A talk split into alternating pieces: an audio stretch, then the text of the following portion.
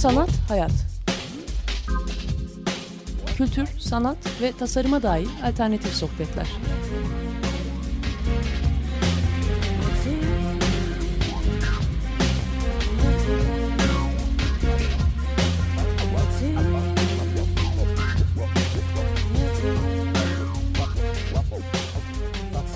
Hazırlayan ve sunan Aslı Kırbaş.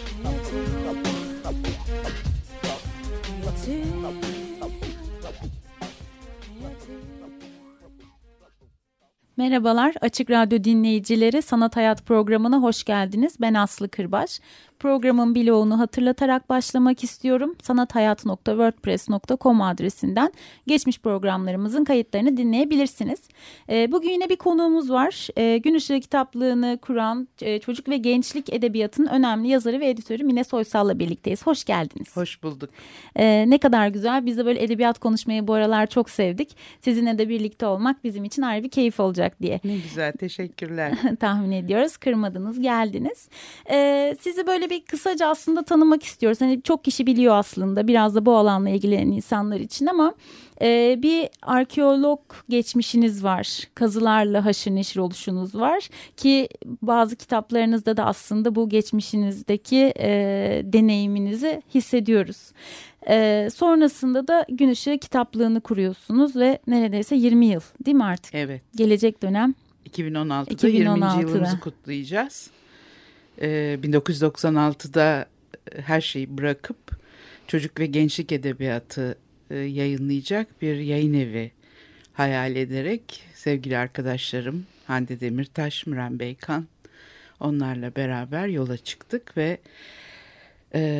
19 e, yılımızı bu yolculukta geçirdik. Hı hı.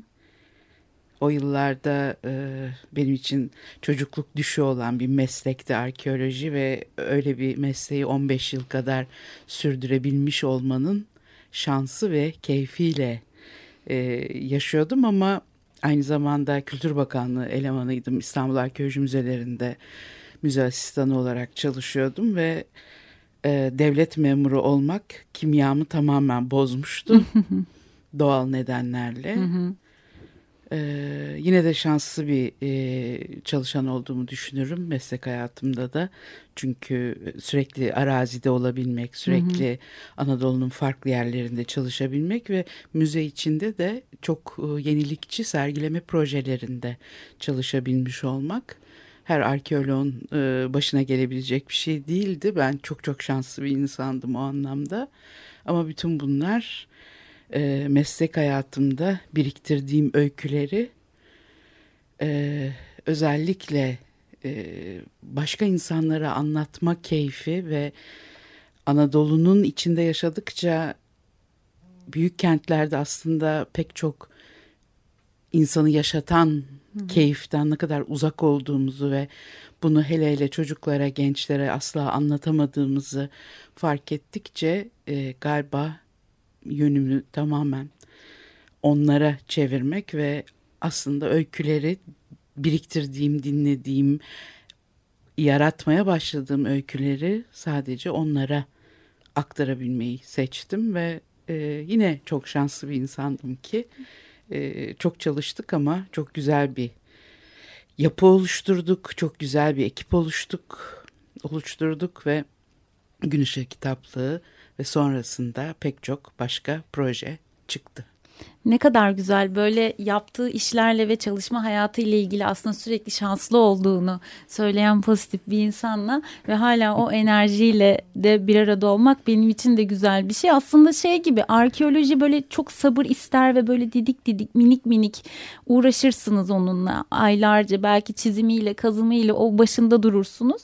Aslında geçiş yaptığınız şey de hani şimdi sadece Gün Işığı kitaplığının yaptığı şey kitapları editörlük yapıp bazı kitaplar çıkarmak dışında bir takım seminerler, bu edebiyat alanının e, daha iyileşmesi için bir takım çabalar aslında yine o belki o didik didik sabırla kazma bulma e, işlemi başka türlü bir şekilde devam ediyor. Arkeoloji sabırdan ziyade aslında e, bir süreci hı hı. hayal etme ve o sürecin gerektirdiği öngörüyü, e, planlamayı, araştırmayı, çalışmayı ve sonuçlandırmayı ve en önemlisi arşivlemeyi evet. öğrendiğiniz bir meslektir. Bütün bu paketi öğrendiğiniz zaman bunu aslında ne iş yaparsanız yapın uygulayabilirsiniz. Hı. Edebiyatın, edebiyat yayıncılığının bu anlamda tabii ki e, çok geçmişteki çalışma e, disiplinimin yarattığı kolaylıkları rahatlıkla aktarabileceğim bir alan olması benim de pek beklemediğim bir şeydi açıkçası.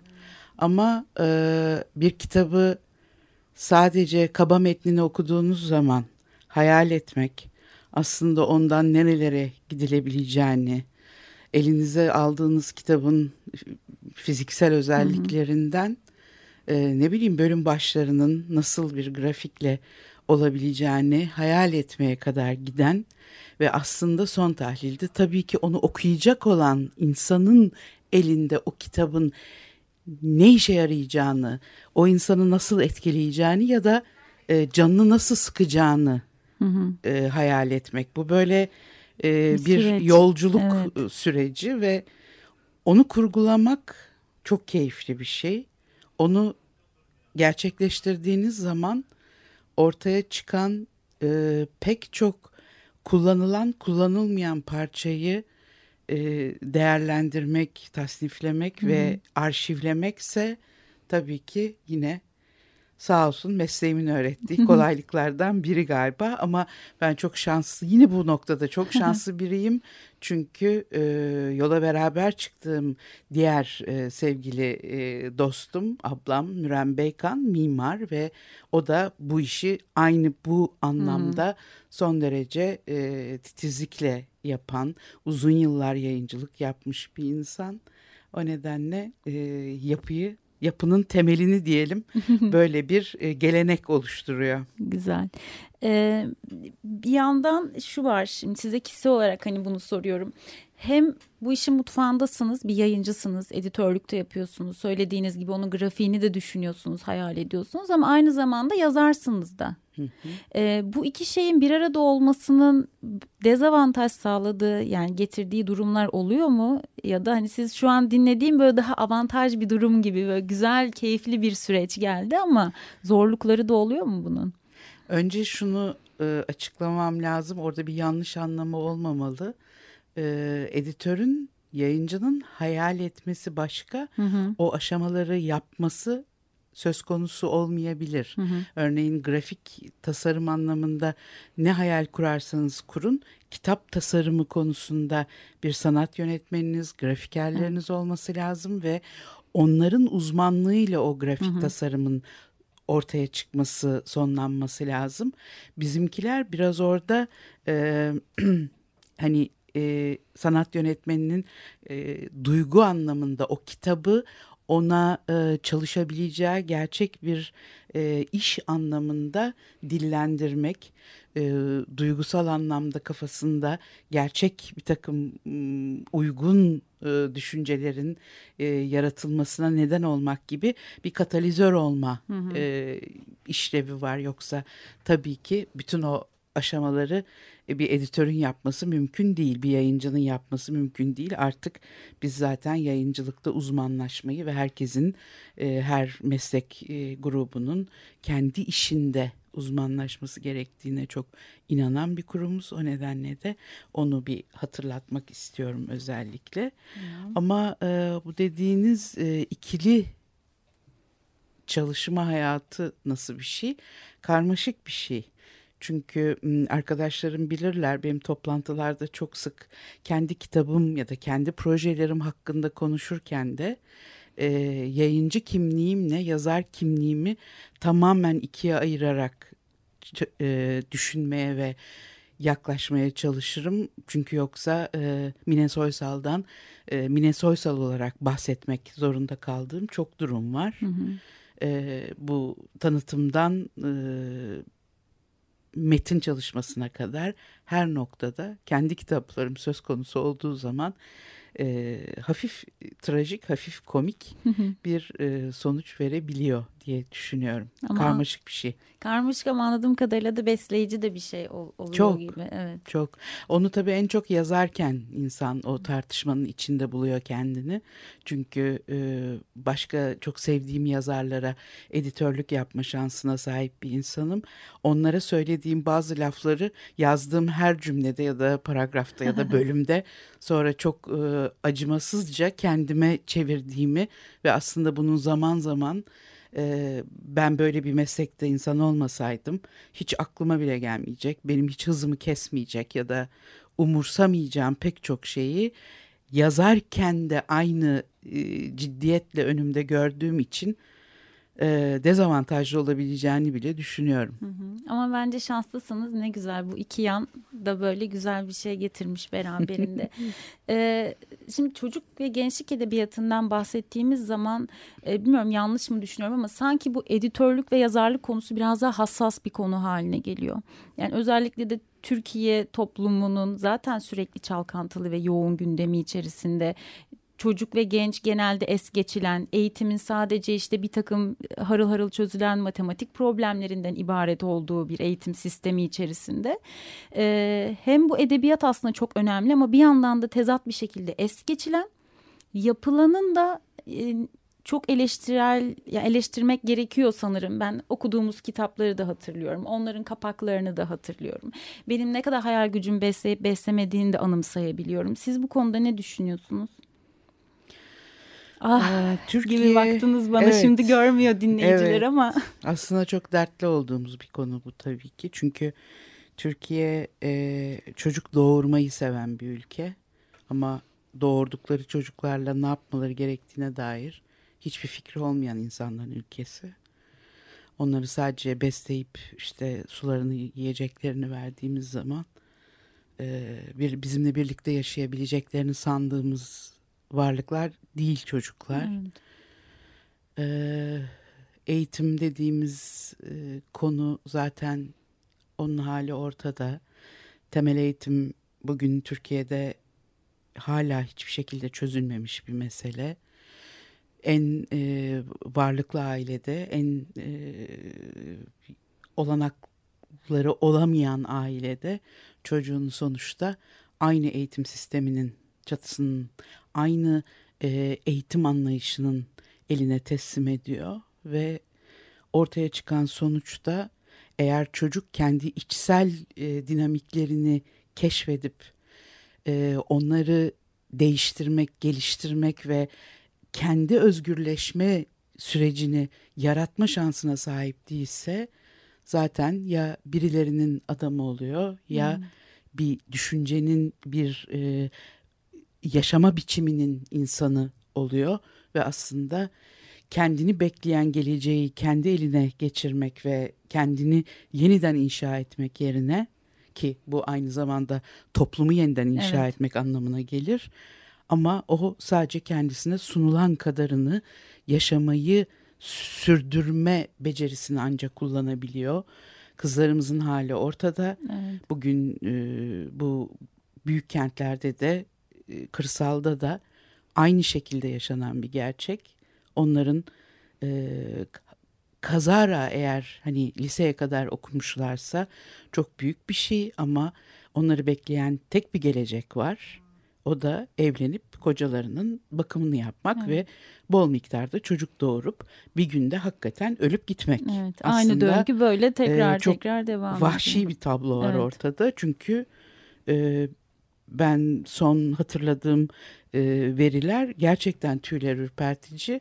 E, üniversite mezunu insan sayısı Türkiye'de son derece az ve kadının kendi hayatını çalışarak e, yaratması, oluşturması, sürdürmesi bunun için de çok çok küçük bir dilim. Hı hı.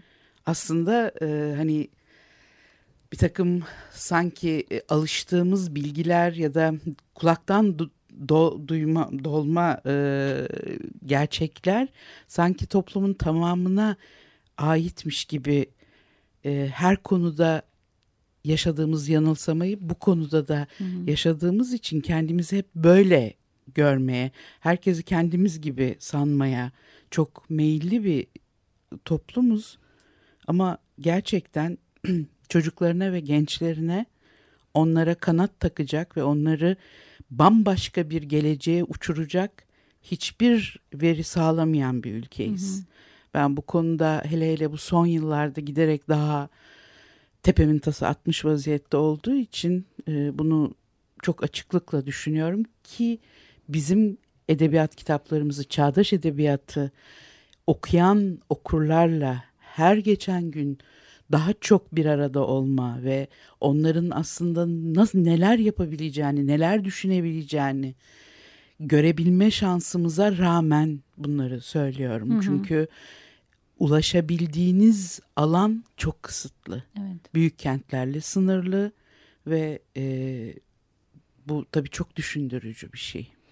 Ki ben hani gün ışığının çok e, aslında e, güçlü bir şekilde beslendiğini düşünüyorum. Çünkü öğretmenlerle bir araya geliyorsunuz, okullara çok sık gidiyorsunuz.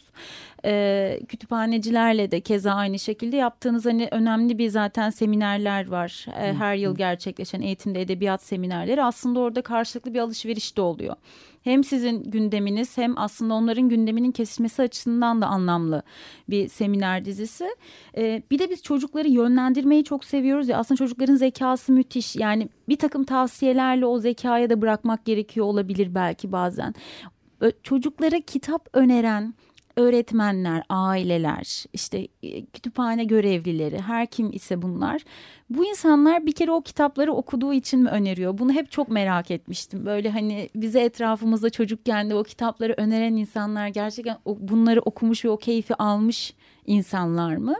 Ee, ikincisi önerirken gerçekten özgürler mi? Ne düşünüyorsunuz? ee, aslında Özgürlük konusu zaten çok hassas özellikle bizim ülkemiz için yine ama. Türkiye kitap okuyan insanların ülkesi değil. Evet. Yetişkinler kitap okumuyor ama e, bu işte bol miktarda e, yapabildiğimiz çocuklardan sadece bizim istediğimiz kitapları bizim istediğimiz saatlerde bizim istediğimiz biçimlerde okumalarını ve onlardan da o okumaların sonunda da mutlaka e, sözlü ya da yazılı mutlaka bir e, not almaları gerektiğini düşünüyoruz aslında. Çünkü e, edebiyat okuma deneyimini kişisel olarak barındırmayan insanlar bu eğitimci de, kütüphaneci de, aile de hmm. hepsi için geçerli.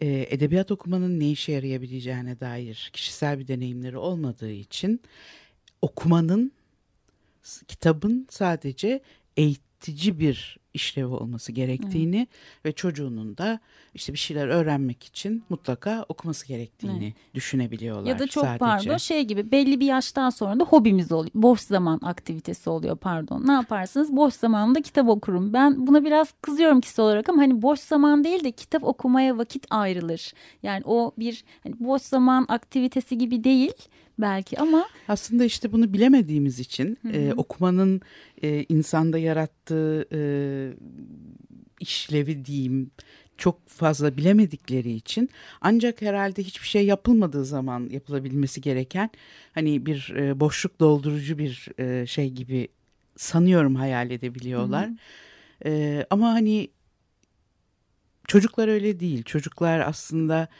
e, kendi hayatlarını zaten o kadar daraltmış vaziyetteyiz ki ya dershanedeler ya okuldalar ya sporda bir yerdeler ya tarlada çalışıyor ya çocuk bakıyor. Hı hı. Mutlaka onların bir işi var.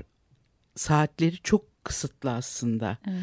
O saatler içinde oyuna vakit kalmamışken çocuktan kitap okumasını beklemek o edilgen davranış içine girmesini, o kendi kendine bir kabuğuna çekilmesi ve elindeki bir metinle yalnız kalmasını beklemek hakikaten bana çok e, hayal geliyor ve çok hani e, zorlayıcı geliyor. Hı hı.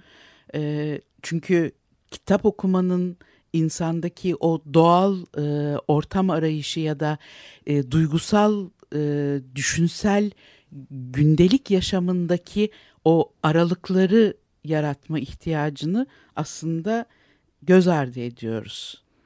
Biz kendimiz böyle bir şeyle tanışmadığımız için hmm. çocuğumuza da zaten bunu ancak sen git odana kitabını oku ya da işte ortadan toz olması için ya da bir kavganın içinde kalmaması için ki bunlar genellikle büyük kentlerde olabilen e, daha lüks örnekler Evet, değil. Odası olan Ama çocuk da ha ya, ya da Hı hı. zaten taşradaki bir çocuğun böyle çok fazla da bir şansı yok. Çünkü dediğim gibi onun 24 saat ya çocuk bakması ya yemek yapması ya evi düzenlemesi ya mutlaka bir işte çalışıyor Hı hı. olması gerekliliği var ki e, doğal ortamları okumaya meylettirici ortamlar değil. Hı hı. Ama tabii bütün bunlarda o nedenle Gün Işığı kitaplığı 15. yılında 2011'de e, bütün e, bakışını yetişkin e, oyunculara çevirdi. Ebeveynin bir tarafı ebeveyn, bir tarafı eğitimciler, kütüphaneciler, bir tarafı da sektörün kendisi, yayıncılık sektörünün kendisi. Bu e, üçgen içinde ne yapabiliriz ki biz okuma kültürümüzü temelden değiştirici, geliştirici ve aslında konuların e, biraz e, düşünsel anlamda uçurucu olabilmesini, yenileyici olabilmesini, iyileştirici kılacak ne yapabileceğimizi düşünmeye başlamıştık. Ve ilk adımı eğitimcilere yönelik attık. Eğitimde edebiyat seminerlerini 2010 yılında başlattık. Türkiye'nin hemen hemen e, pek çok farklı ilinden gelen öğretmenler, eğitim yöneticileri ve kütüphaneciler katılıyor. E, Mart ayının başında 8.sini gerçekleştirdik. 2016 Mart'ta 9.sunu yapacağız. Artık bu oturdu böyle ilkbaharlarda, ilkbahar girişlerinde Hı hı. öğretmenler ve kütüphanecilerle çalışıyoruz.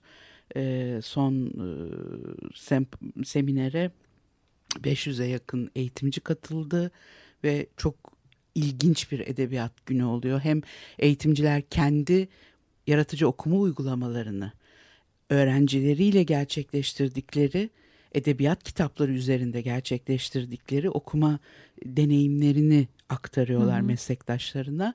Hem de edebiyatın usta kalemlerinin edebiyat alanında emek veren akademisyenlerin bu konuyla ilgili çok e, değerli içeriklerini dinliyorlar. Onlarla soru soruyorlar. E, Aslında elde edemedikleri bir şansta yakalamış Çok, oluyorlar yani. e, Çünkü ben kızıyoruz eğitimcilere en ama. son e, Mart'taki seminerde onu çok düşündüm. Gerçekten bu, bu seminerlere her seferinde bir okul ev sahipliği yapıyor. E, şimdi 3 yıl için Fevziye Mektepleri Nişantaşı Işık Ortaokulu ev sahibimiz. E, onlara o açılışta onu söylemiştim. Gerçekten o gün için o okulu bir edebiyat sarayına çeviriyoruz aslında. Ne kadar güzel. İnsanlar edebiyattan başka hiçbir şey düşünmeden, duymadan ve e, tartışmadan e, geçirebildikleri bir gün ediniyorlar ve gerçekten e, bu hani e, bizim için çok artık e, göre göre e, alışmak demeyeceğim. Böyle şeylere insan alışmıyor ama çok sevindirici bir sonuç. E, gidenler haftalarca o, o mekandan gidip çıkanlar haftalarca bize nasıl şeyler düşündüklerinin geri bildiriminde bulundular. Bu harika bir şey. Bu gerçekten aslında e, edebiyatı doğru tırnak içinde tabii ki doğru çok izafi ama Hı hı. e, heyecanıyla, yoğunluğuyla ve çeşitliliğiyle anlatabildiğimiz zaman en ilgilenmeyen, en anlamayacağını düşündüğünüz insanın bile o suyla yıkanabildiğini ve aslında e, bambaşka duygulara kapılabildiğini görüyorsunuz ki eğitimde edebiyat seminerleri bizim için yaşama e, nedeni haline geldi artık o oradaki karşılıklı alışveriş Hı hı. çok çok önemli ama bu dediğim gibi o üçgenin sadece bir köşesini oluşturuyor. Mine Hanım sizinle sohbet e, nasıl geçiyor anlayamadık. Süremizin sonuna geldik. E, gelecek hafta sohbetimize devam edelim. Şimdilik burada bu haftayı sonlandırmış olalım. Teşekkür ederiz. Sanat, hayat. Kültür, sanat ve tasarıma dair alternatif sohbetler.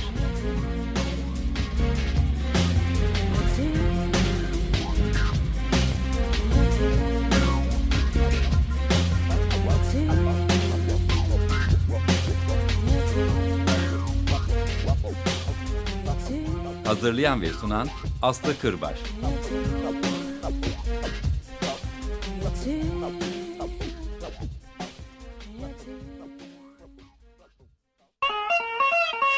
Açık Radyo. Açık Radyo.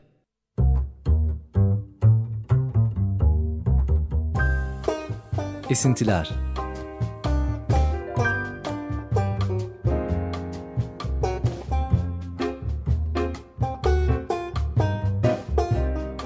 Yeni çıkan caz albümleri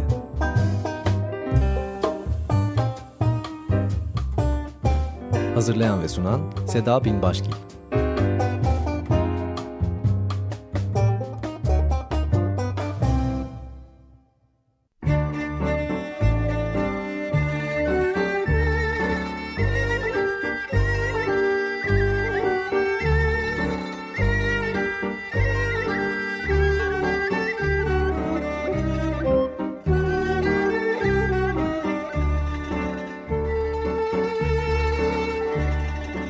Agos Saati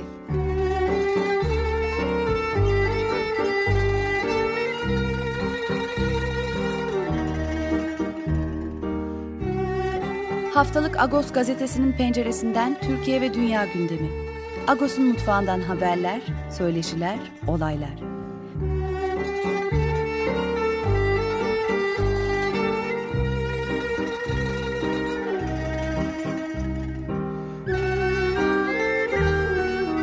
Radyo Agos. Cumartesi sabahları 9'da Açık Radyo'da.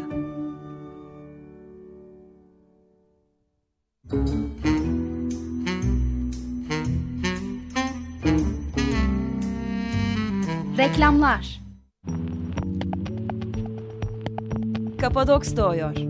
16-18 Mayıs tarihleri arasında Kapadokya'nın eşsiz coğrafyasında gerçekleşecek müzik, çağdaş sanat, gastronomi ve açık hava festivali Kapadoks'un ilk yılını sakın kaçırma. Kapadoks.com'da kendi festival programınızı yaratabilir, programınızın biletlerini Biletix'ten satın alabilirsiniz. Organizasyon Positive Life. Ana sponsor Garanti Bankası.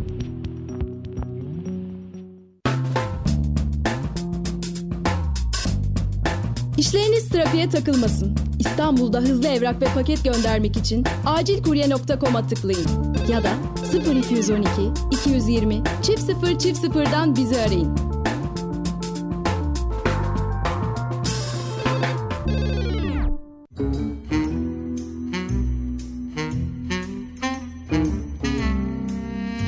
Reklamlar bitti. Evrenin suyuna giden tasarım. Eko tasarım.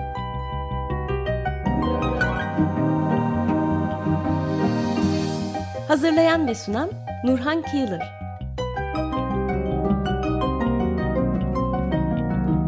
...15 günde bir, Perşembe 16.30'da Açık Radyo'da.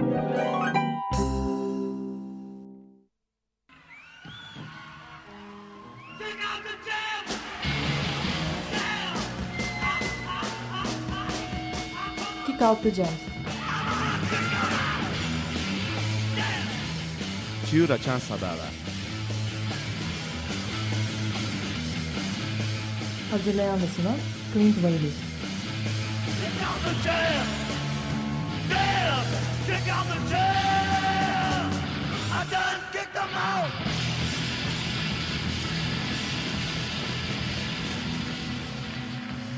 Perşembe günleri 22'de Açık Radyo'da.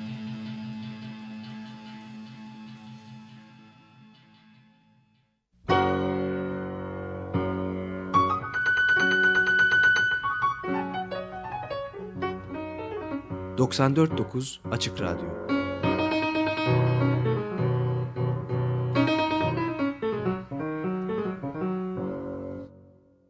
Desteği için Açık Radyo dinleyicisi Tarık Menlioğlu'na teşekkür ederiz. Su Hakkı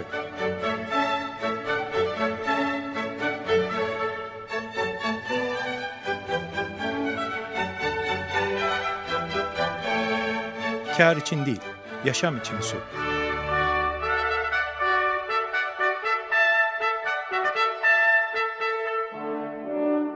Hazırlayan ve sunanlar Akgün İlhan ve Nuran Yüce.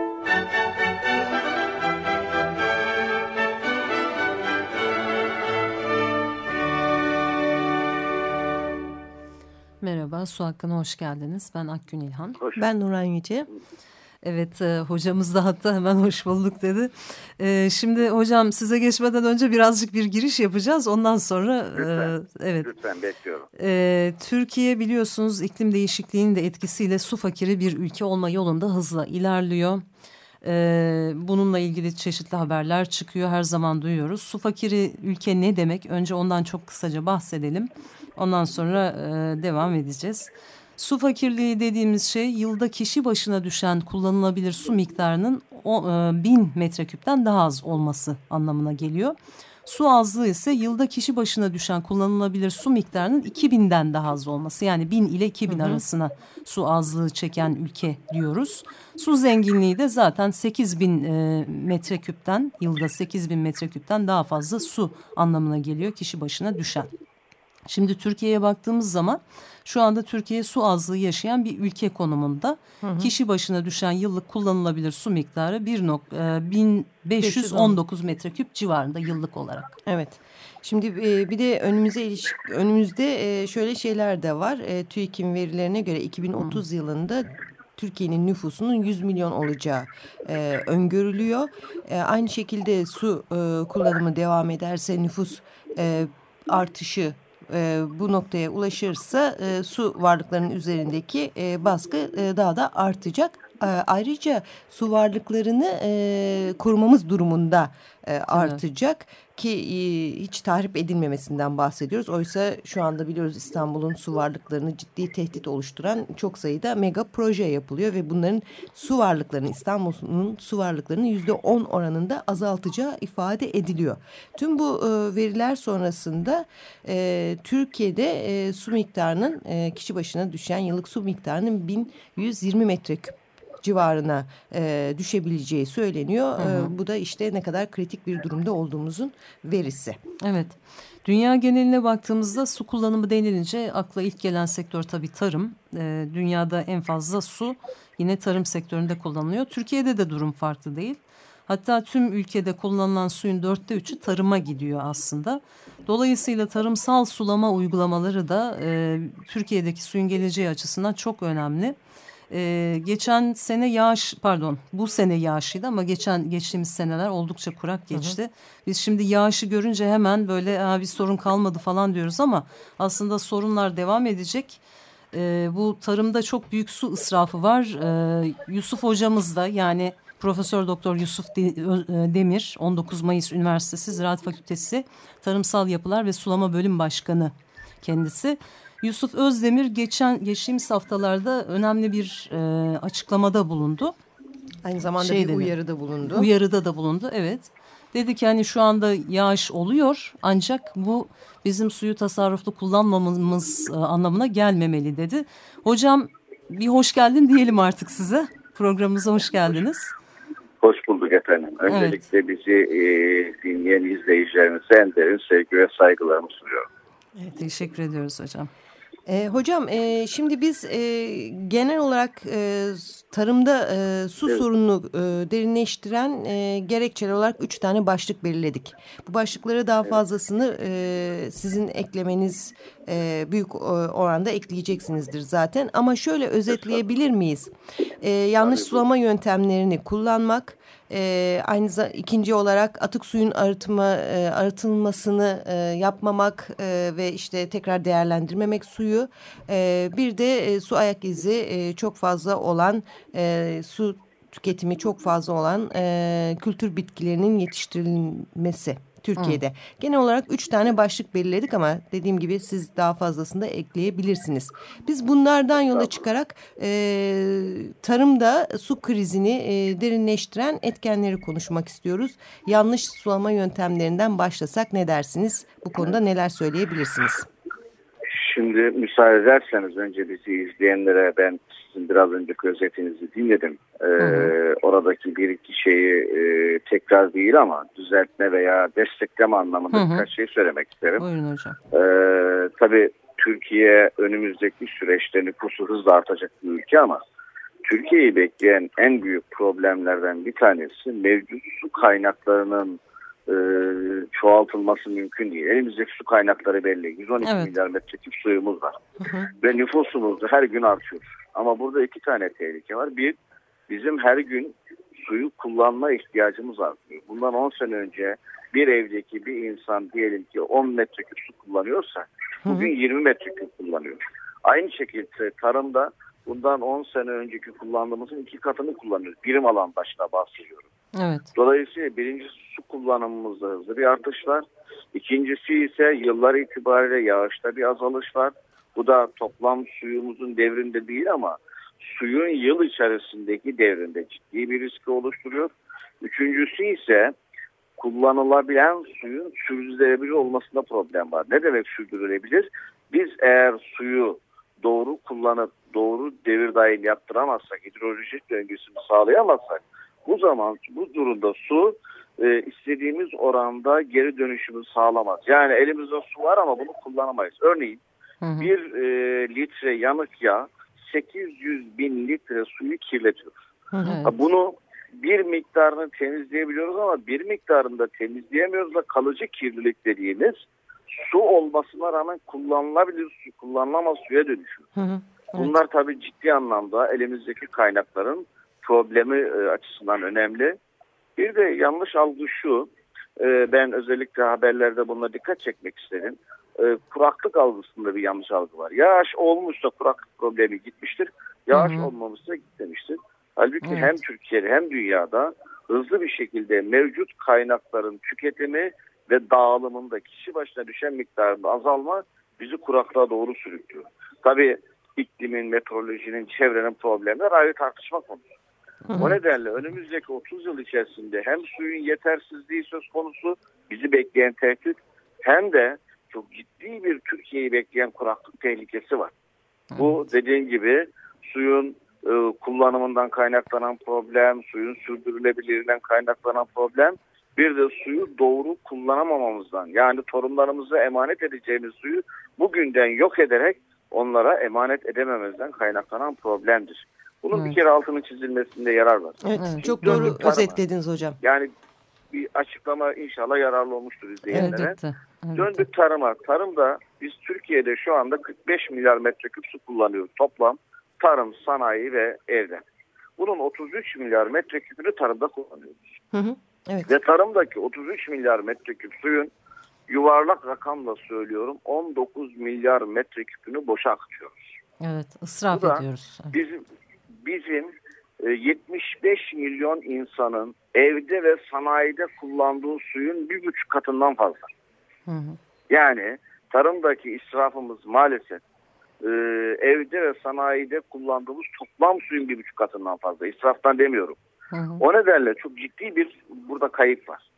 Bu kayıpların ana sebeplerini siz söylediniz ama bu kayıplardan en önemlisi ilk başta ifade ettiğiniz gibi yanlış sulama yöntemleridir. Yanlış sulama yönteminden neyi kastediyoruz? Tabii siz tarlaya suyu barajdan alıp iletinceye kadar geçen sürede barajdan aldığınız 100 birim suyu tarlada bitkiye 10 birim ulaştırıyorsanız 90 birimini kaybediyorsunuz demektir. Evet. Bunu nereye kaybediyorsunuz? Kanallardan kaybediyorsunuz. Havaya buharlaşıyor. inek içiyor, bitki tüketiyor, yabancı otlar tüketiyor. Bir sürü sebepleri sayabilirsiniz. Ama Türkiye'de maalesef son 50 yılda yapılan büyük projelerin hemen hemen tamamı açık sulama sistemi şeklinde dizayn edilmiştir. Bu noktada biz devletin yetkililerini, ilgilileri, kurumları sürekli uyarıyoruz. Türkiye'nin bir an önce kapalı sistem ve su kayıplarını azaltacağı sisteme geçmesi lazım diyoruz. Dolayısıyla bizim özellikle basınçlı sistem dediğimiz kapalı sistem sulama sistemlerine bir an önce devlet olarak geçmemiz gerekiyor. Bu büyük proje işte Harran projesi yani GAP projesi dediğimiz proje, Konya Ovası sulama projesi, Çukurova projesi işte ben Samsun'dayım, Karadeniz'deki Bafra ve Çarşamba projeleri. Bu en büyük kaybın ana kaynağı bizim açık sulama dediğimiz tarlanın yüzeyine çiftçinin deyimiyle saldım çayıra Mevlam kayra usulü sulamadır. Bundan bir an önce dönüşün sağlanması ve Türkiye'de kapalı sistem sulama dediğimiz sulama sistemine geçilmesi lazım. Hocam bu tabii Evet. Burada bir şey sorayım. E, bu yöntemi tercih etmemenin e, etmemelerinin nedeni nedir? Maliyet midir?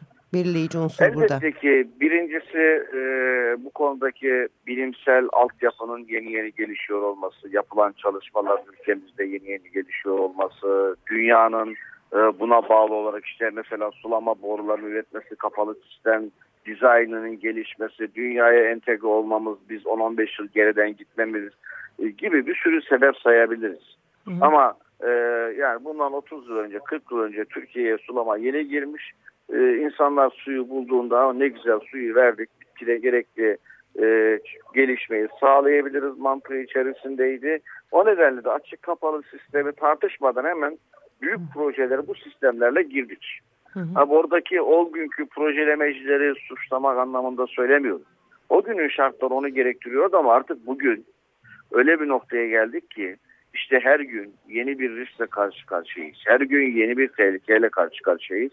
Dolayısıyla bizim devlet olarak bir an önce bu boşa akıttığımız 19 milyar metreküp suyu nasıl kurtaracağımızın projesini yapmamız lazım.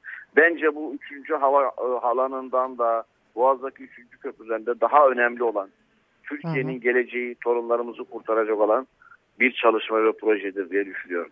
Evet hocam. Çok çok e, güzel söylediniz.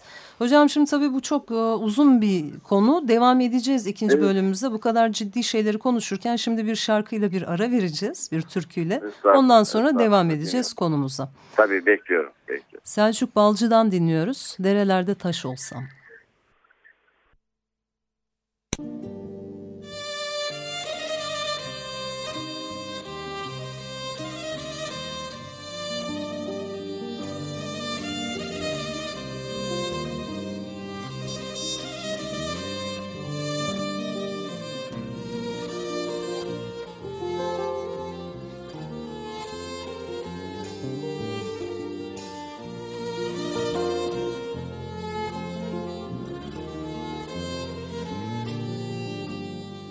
Derelerde taş olsam Gözlerimde yaş olsam Sevdalık kervanına Ben de arkadaş olsam Olsam deli bir sevda Yüreklerine dolsam Sevsen sen de beni Ben sana esir olsam Derelerde taş olsam Gözlerimde yaş olsam Sevdalık kervanına Ben de arkadaş olsam Olsam deli bir sevda Yüreklerine dolsam Sevsen sen de beni Ben sana esir olsam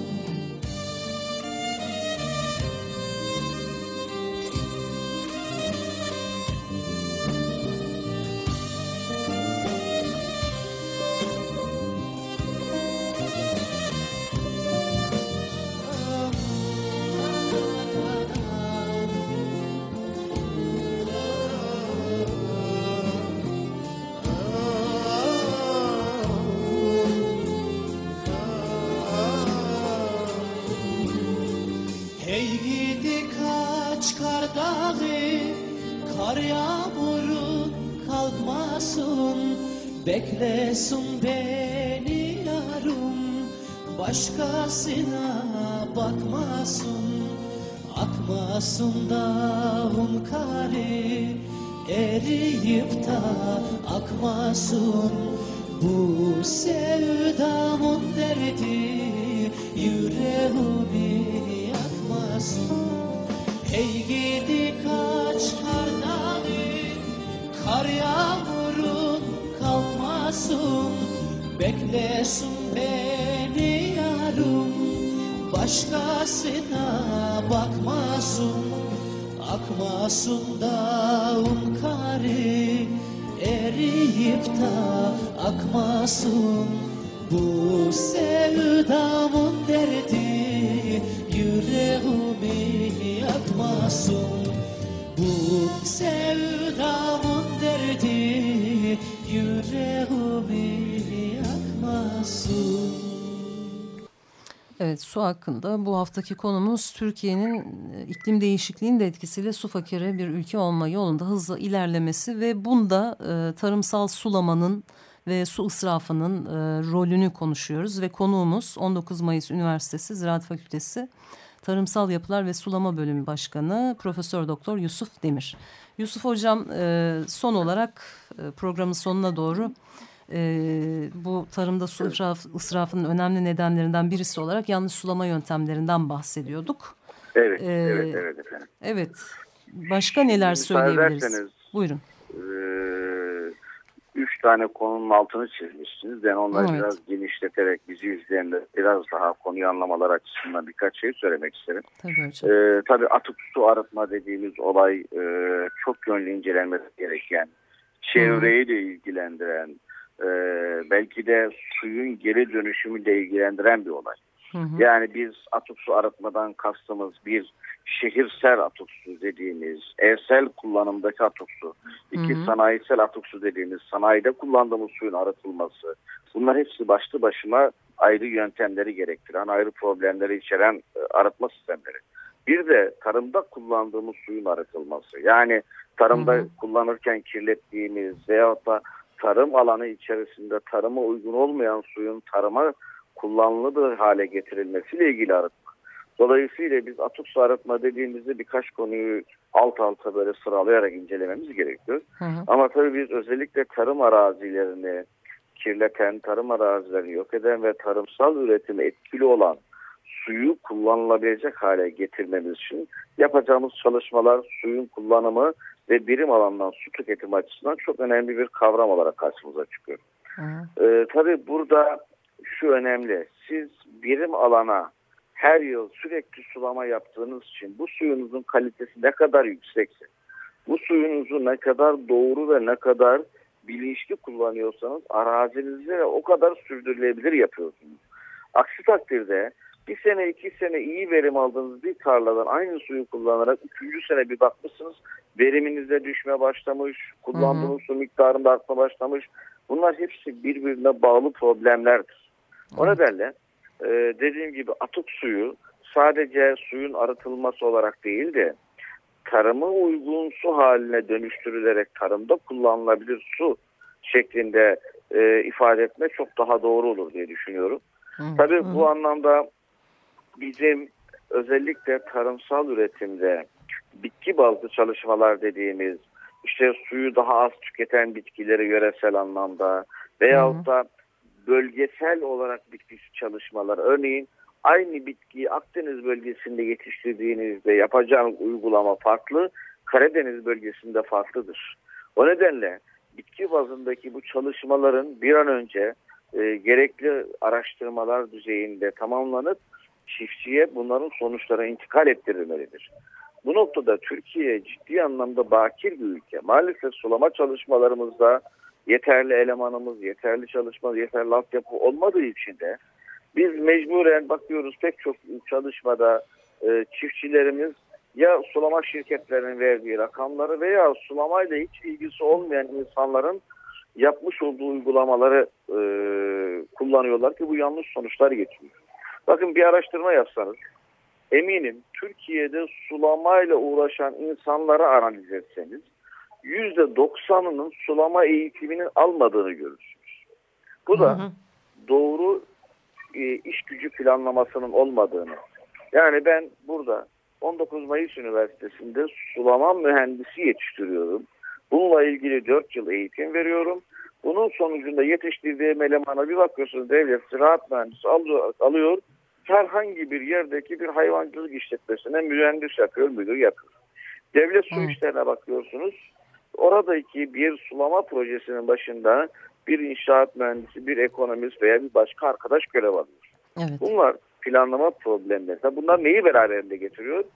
Bizim yaptığımız projelerin çiftçiye aktarılmasındaki aksaklıkları. Bu da yanlış su kullanımını, su israfını tetikliyor.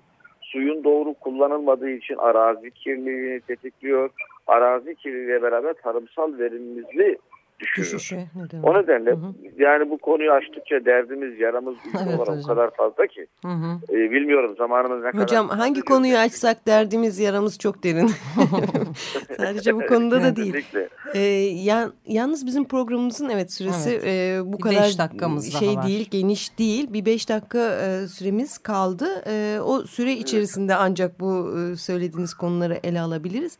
E, sadece bu istihdam alanında e, sorun yaşanmıyor. Yani uzmanların istihdam edilmesi problemi yok. Aynı zamanda ee, bazı ürünlerin hani bu e, daha kıymetli ya da piyasada daha değerli olduğu e, bilinen ürünlerin e, iklim ya da yağışa uygun olmayan bölgelerde e, teşviki de söz konusu olabiliyor.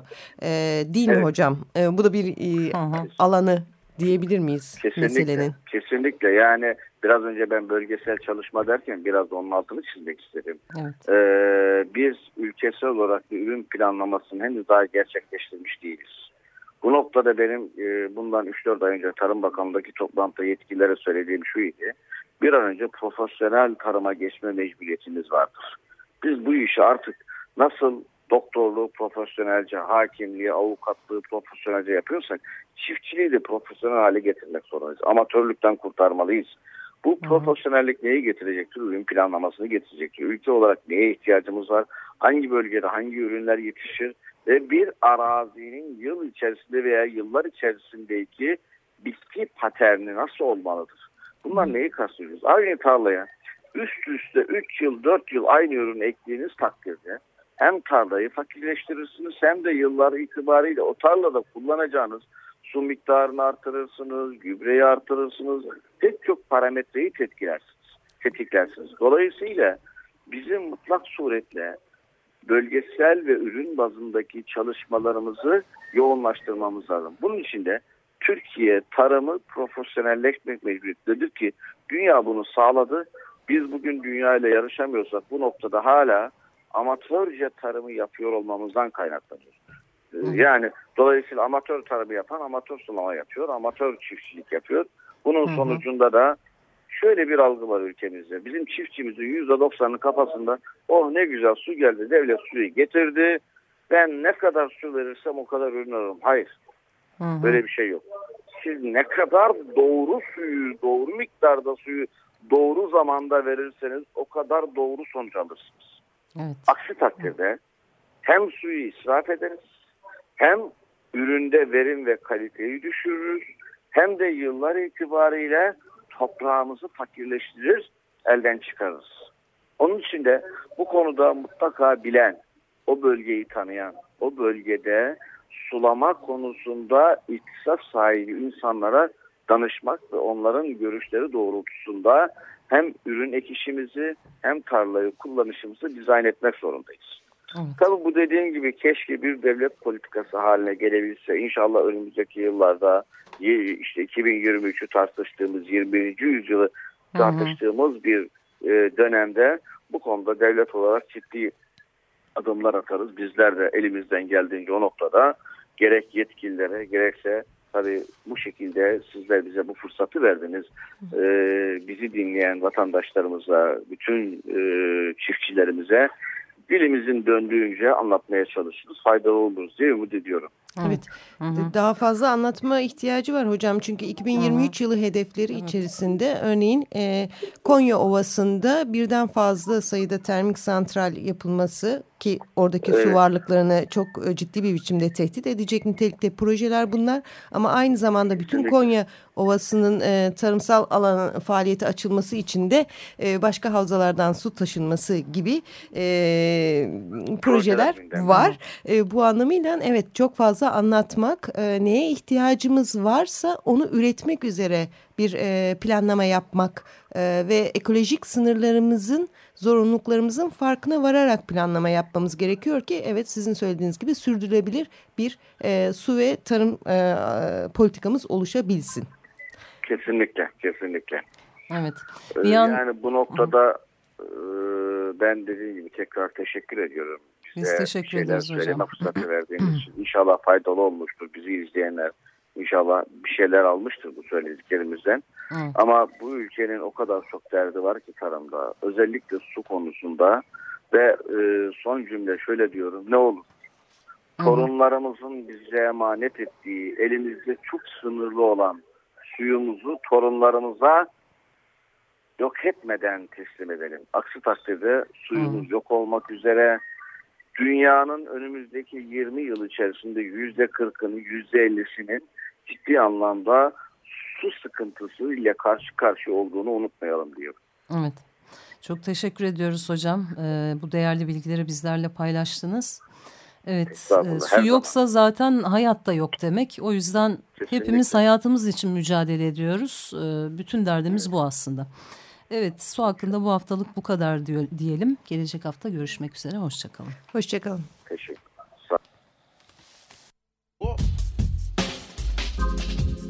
Sanat, hayat. Kültür, sanat ve tasarıma dair alternatif sohbetler.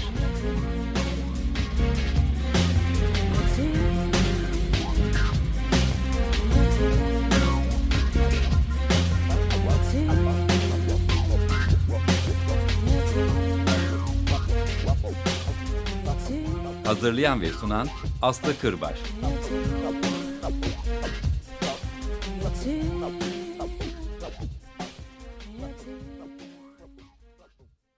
Açık Radyo program destekçisi olun. Bir veya daha fazla programa destek olmak için 212 alan koduyla 343 41 41